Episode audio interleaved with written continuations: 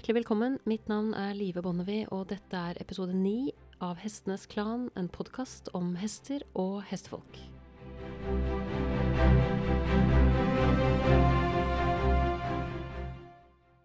La meg starte med å beklage at teknikken ikke er super i denne utvidede episoden.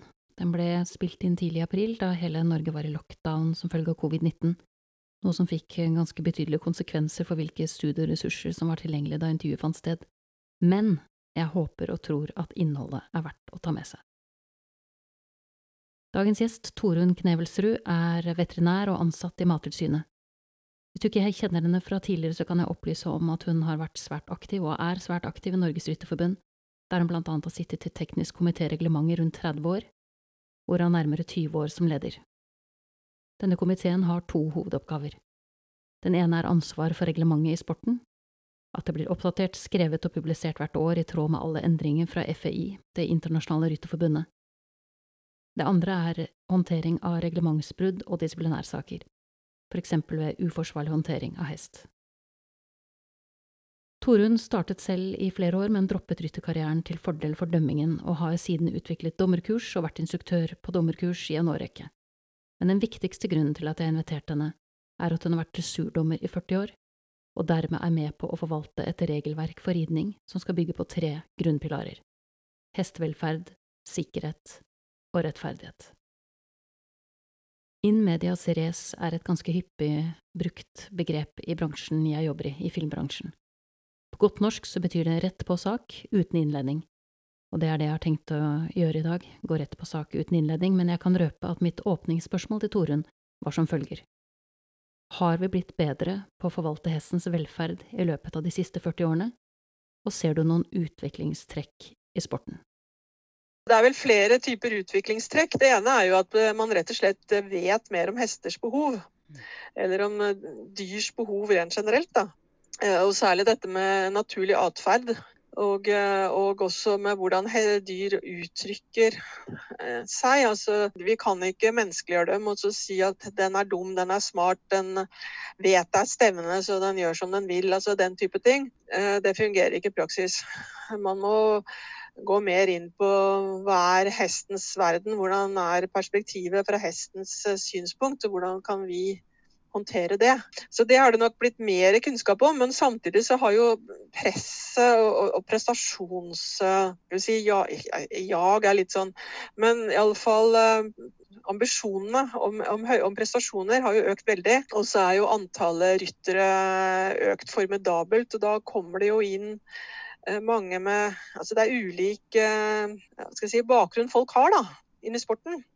Da jeg var ung og begynte å ri, så var jeg veldig sånn sugen på kunnskap, og jeg leste bøker og, og sånt. Og jeg føler i dag så er det litt sånn at man ikke helt uh, tar inn over seg hvor kunnskapskrevende det egentlig er å drive med, med rider og ridning av hester. Da. Det er klart, uh, gode konkurransehester de koster ganske mye penger. Og da er det kanskje litt tendens til at når eh, foreldre med ambisjoner på vegne av sine barn kjøper en, en, kostbar hest, så forstår de ikke helt hvorfor ikke resultatene kommer fort. Fordi at de skjønner ikke at eh, at det er faktisk også en rytter der som skal lære veldig mye for å kunne både ha glede av denne hesten og kunne bruke den på en eh, god og forsvarlig måte.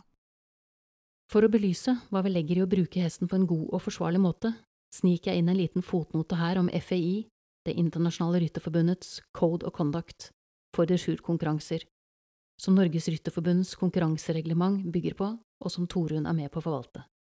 Der kan man blant annet lese følgende. Hensikten med dressurkonkurranser, internasjonalt siden 1929, er å bevare ridekunstens rene prinsipper, slik at disse gjennom kontinuerlig praktisering kan føres videre gjennom generasjonene til glede for hestene og rytterne. Det står videre at dressurridningens mål er å utvikle hesten til en tilfreds atlet gjennom harmonisk skolering. Resultatet skal være en rolig, smidig, løsgjort og bevegelig hest, som også er tillitsfull, oppmerksom og villig. Så målet er krystallklart, men spørsmålet er hvilken vei skal vi følge for å komme dit? Det, det må være på hestens premisser.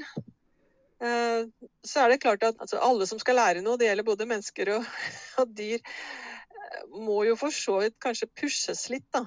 Både, men det er jo dette å finne veien som går mest mulig gjennom, hva skal kalle det, gulrot det, altså Gulrot og pisk er jo kanskje et begrep som passer godt innen hesteverdenen, men eh, det skal være gulrot og ikke pisk. Men at man selvfølgelig må pusle litt, prøve å komme litt videre, men at det ikke går på en sånn måte at det blir en negativ opplevelse for hesten. Så hvis erfaringen er at en del av de som kommer inn i sporten, kanskje ikke har kastet seg over bøkene i forkant, kanskje ikke har en instruktør som har grunnprinsippene på plass, jeg ser i hvert fall det i min ende at det er jo mange som underviser som ikke, la meg bruke det ordet, har hele bildet, da. Hvordan skal de klare å navigere? Nei, altså Det tenker jeg er den store utfordringen. Norge er jo ikke et land med, med hestetradisjoner, annet enn i landbruket. og Der er jo hesten borte. Eh, sånn at eh, I motsetning til særlig Sverige og Tyskland, den denne type land, så, så, har jo ikke vi noe sånt noe. Og Derfor har vi heller aldri hatt noen egen grundig utdannelse av trenere og instruktører. Så man må jo til andre land for å få den grundige utdannelsen. Og det, det er jo et stor, stor, mangel. Og jeg tenker det går hele veien. Altså det, det, det viktigste måten å få en god oppbygging av kvalitet og kompetanse og alt dette, det er jo gjennom gode rideskoler. Eh, og det er det dessverre for få av. For få rideskoler, og det er eh, for få som er gode. Og, en god rideskole skal jo både ha gode hester som elevene kan lære den riktige feelingen og den riktige innvirkningen og sånt på, men det må også ha gode instruktører som både er pedagoger selvfølgelig og kan, eh, kan formidle ting til særlig barn og ungdom, da. Men som også har den grunnleggende kompetansen både på eh, hester, heststell, håndtering, hesters atferd, men også på rideteorien og, og uh, målet med ridningen. Uh, og der har vi nok for lite. Altså, vi har jo en ridelærerutdanning på Starum, og den er sikkert uh, i og for seg god nok, men uh, det er vel kanskje for få som har den utdanningen i bunn. Og så er det jo ikke akkurat et uh, godt betalt yrke, og det er mye ubekvem arbeidstid. sånn at det å få beholdt gode instruktører i rideskolene er antagelig en utfordring. Og så går det jo videre til dette med med trening av eh, både på mer grunnleggende nivå, men også selvfølgelig når man kommer opp på de høyeste nivåene. Og selv om du selvfølgelig ikke behøver å være Grand Prix-trener for, for, å trene ekvipasjer som rir lett B lett A, eh, så må du allikevel ha en idé om veien videre, sånn at den treningen du bedriver kunne ha ført til Grand Prix. Ja. ikke går i en annen retning. Og det er akkurat det samme vi er opptatt av i dommerutdanningen. At når man sitter og gir gir karakterer, så eh, må man vurdere er denne ekvipasjen i retningen hvor Grand Prix er der ute i målet. Selv om det er en fjording eller en, eh, en, en, eh, noe sånt, så, så, skal likevel veien være den samme. Selv om man aldri når, når helt dit. Så hvis man er på en helt annen vei, så er det feil, rett og slett. Så de grunnstenene som legges i de lavere klassene, det skal være de samme solide grunnstenene som du sa på en ja. fjording? Da, som, og det er både for, for, hesten og for rytteren. Og der eh, Jeg må si jeg er, eh, har i hele mitt liv vært eh, ganske fascinert av den spanske rideskole. Og det fascinasjonen her har jeg tatt opp igjen de senere årene. Og med, da, med en helt annen bakgrunn i dag enn det jeg hadde da jeg var der for første gang da jeg var 18 år. Så var jeg jo litt spent. Hvordan vil jeg se på dette i dag? Og jeg bare blir så lykkelig når jeg ser hva de gjør. For det er så enkelt, og det er så basic. Eh, og det er så på hestens premisser. Og, ikke, og der har de jo eh, hingster som går eh, den høyeste skole på, på oppvisninger og sånn, som er oppimot 30 år. Og det viser jo at de er tatt, utviklet på en måte hvor både den mentale og den fysiske holdbarheten blir tatt vare på. Det er jo et veldig interessant moment i forhold til dette med hva folk ynder å si klassisk dressur mot moderne sportsdressur. Kjenner du igjen ja. det som, som to, to, separate ting, eller føler du at det er eh, flere gråtoner, da? Altså jeg tror for Det første at eh, det spørs eh, hvem som sier det her, og hva de egentlig snakker om. For du har jo fått inn et slags begrep som også blir kalt barokkdressur. Og det tenker jeg er egentlig ikke klassisk dressur. Det handler veldig mye om å lære hester å trave på sted og lage små piruetter og sånn. Men det er jo ikke det egentlig klassisk dressur går ut på. Klassisk dressur går ut på å utvikle hestens mentale og fysiske styrke og evner, slik at den kan bære rytteren sin i balanse. Og, og adlyde, som kanskje ikke er et så godt ord, men følge rytterens veldig små og fine innvirkninger. Sånn at rytter og hest nærmest blir én organisme. Og det er ikke gjort på et år eller to. Og det finnes ingen quick fix. Og da har jeg også lyst til å si at jeg syns det de senere årene så har det jo blitt veldig mye fokus på utstyr. Og det tenker jeg har to grunner. Eh, det ene er eh, kjøpekraft rett og slett hos hestefolk. Eh, det, det, altså når du ser den ansamlingen av dekkener og bandasjer og alt dette som er, og klær og for så vidt også, så er det klart at det er fordi det er et, er et marked der som er kjøpekraftig. Ja, for min del, den eh, konkurransehesten jeg hadde i ti år, til den hesten hadde jeg to dekken i hele dens levetid. Og det ene var sydd hos gamle Fossum, som kanskje noen husker. Skikkelig gammeldags salmaker. Av uh, ordentlig canvasstoff og fòret med noe sånn uh, badmelaktig ullfòr. Og det hadde han på seg om vinteren når det var ordentlig kaldt. Det andre dekkene brukte jeg aldri. Eh, I dag så ser jeg jo hester gå ute i 10-15 varmegrader med dekner helt opp til ørene. Så kan man jo selvfølgelig eh, forstå at når hester heldigvis får gå mye mer ute i dag enn de gjorde før, det er en god utvikling, altså. At de får gå mye mer ute. Men det er klart, går de da ut i, i regnet og søle og ruller seg, så er det jo en stor jobb å ta denne hesten inn og gjøre den klar til en rideøkt. Så jeg forstår at man vil beskytte mot det. Og noen hester trenger også beskyttelse mot insekter om sommeren. Men jeg ser at hester i dag står med dekken både ute og inne i et omfang som ikke er i tråd med hestens behov. Nei. Hester har behov for å rulle seg og gni seg og få sol i pelsen. Og de, så lenge hesten ikke står og stritter med hårene, så fryser den faktisk ikke. Det er kanskje sånn at vi, eller mange av oss mennesker, har behov for å kle dem opp? Og gjør det med ja. stor kjærlighet og et ønske om at de skal se fine ut, at de skal ha det bra. Og at det er blitt en jeg vet ikke at det er blitt en sånn veldig integrert ting i forhold til at de bor i hus og de har på seg klær sånn som, sånn som oss. Ja, ja altså det, vi ser jo det samme på hunder. altså Det er mm, liksom mm, dette stellbehovet gir seg vel uttrykk i den type ting. At da ser alle ser, altså Man føler selv også at man gjør noe for denne hesten, og det, det kan jeg på et vis forstå. Men, og det er kanskje ikke det farligste, har sagt, dette med dekken, men når man da kommer ut på kanskje særlig bitt. Eh, store diskusjoner om eh, bittløst hodelag og om bittyper som går i to veier. Det ene går i den veien at, at bitt i seg selv er, er uheldig og farlig og dyre si dyremishandling, nærmest. Som man skal ri da med minst mulig på. Og da tenker jeg man fort kommer over i en del sikkerhetsutfordringer, utfordringer, blant. Og det andre er jo at alle mulige utfordringer som rytteren møter med hesten sin uh, i treningen, det skal fikses med å bruke et annet type bitt. Uh, og da tenker jeg at uh, bruk heller de pengene på en god instruktør. Det finnes selvfølgelig bitt som, som, ikke er egnet, helt åpenbart uansett hvem som rir på de, men de aller, aller fleste bitt er så egnet som den rytterhånden som holder i dem. Og det er jo litt det anliggende som vi har snakket om litt sånn innledningsvis også når vi når vi avtalte å ta denne samtalen, det er jo nettopp det at det er så fort gjort å tenke at at hvis jeg bare putter på det bittet, så, så er på en måte Jeg trenger ikke gjøre noe med meg, da. Nei. Ikke sant? Og det, bare... og det jeg ser da, når jeg øh, ja, jeg underviser ikke så mye med Novi mer. Jeg, forholdene ligger ikke til rette for dem. Men jeg underviste en god del før. Og også når jeg er dommer, så, så er det veldig mye dette at, um, at rytteren enten ikke har en smidig og balansert nok sits til å kunne sitte med rolig hånd og da kunne bruke tøylene sine uavhengig av hestens bevegelser, eller at de misforstår dette begrepet å gå til tøylen og gå til ettergift. At det blir mye sånn uh, ja, enten hal og dra eller sag. Altså, de har hørt at hesten skal gjette i nakken, og så gjør jo gjerne hesten det kanskje hvis man sitter og drar i litt sånn annenhver tøyle, men det er jo ikke det samme som at hesten går frem til tøylen. Det er hesten selv som skal søke den kontakten. Og det er klart, Sitter du da med et litt skarpt bitt, så blir det jo enda verre for den hesten, selvfølgelig. Sånn at, derfor så skal jo ikke um, uerfarne ryttere ri på stang og kandar. Og Det samme gjelder jo litt denne tanken om at ja, bare man ikke bruker bitt, men bruker hodelag uten bitt, så er det løst. Det finnes veldig mange ulike hodelag uten bitt som uh, er veldig skarpe på hestens neserygg.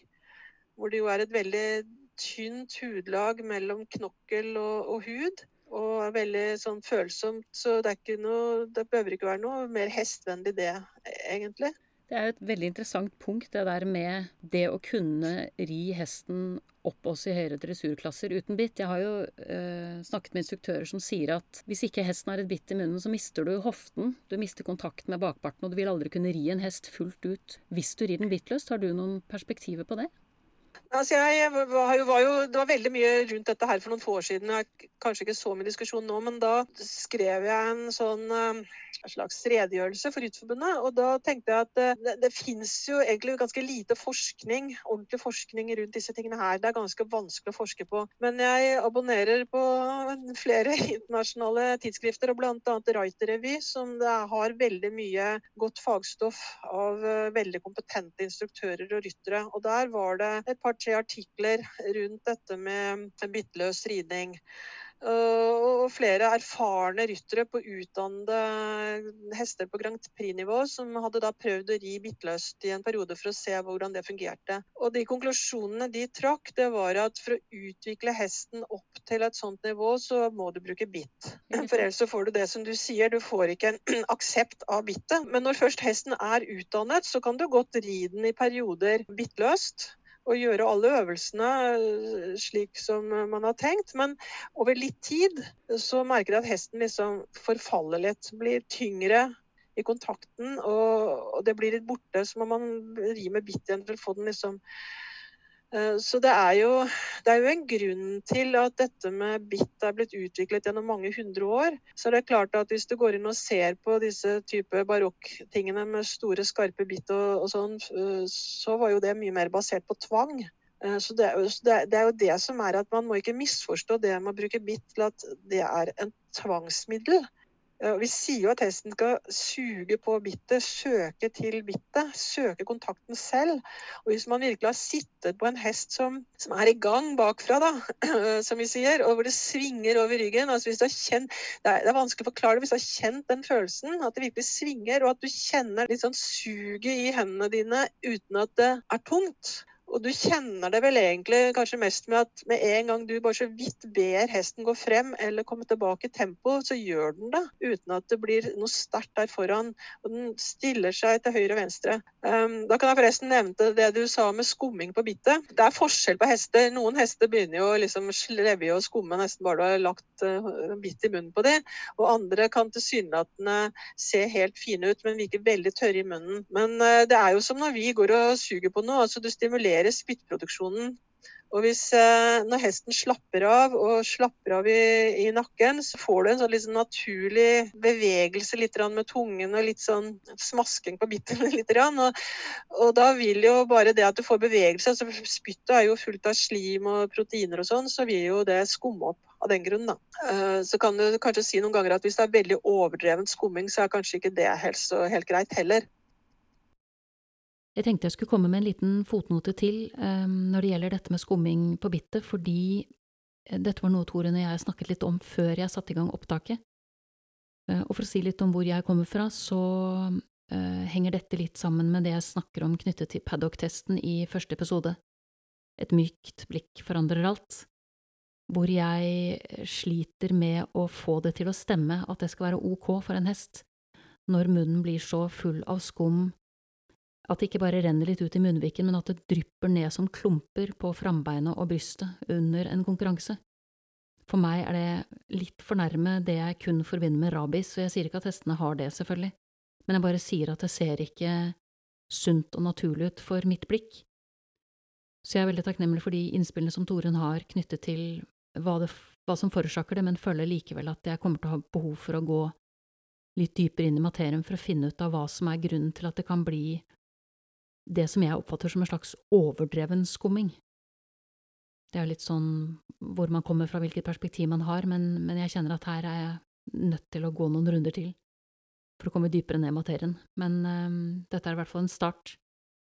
Uh, og for å komme tilbake til intervjuet med Torunn, så er det jo omtrent på dette tidspunktet jeg stiller henne det samme spørsmålet som jeg tror jeg kommer til å stille alle gjestene mine, og det er hva er det du kan om hester, som du tenker at det er viktig at alle som driver med hester vet?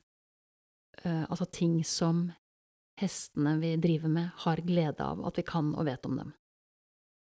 Da kunne jeg tenke meg også å snakke litt om uh, Ja, vi forventer at disse hestene skal prestere. De, skal, uh, de må ha en kondisjon, de må ha en styrke, de må følge rytternes instruksjoner osv.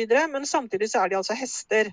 Og en, en hest, dens oppgave i livet, det er å gå langsomt av gårde på sletten og spise mat.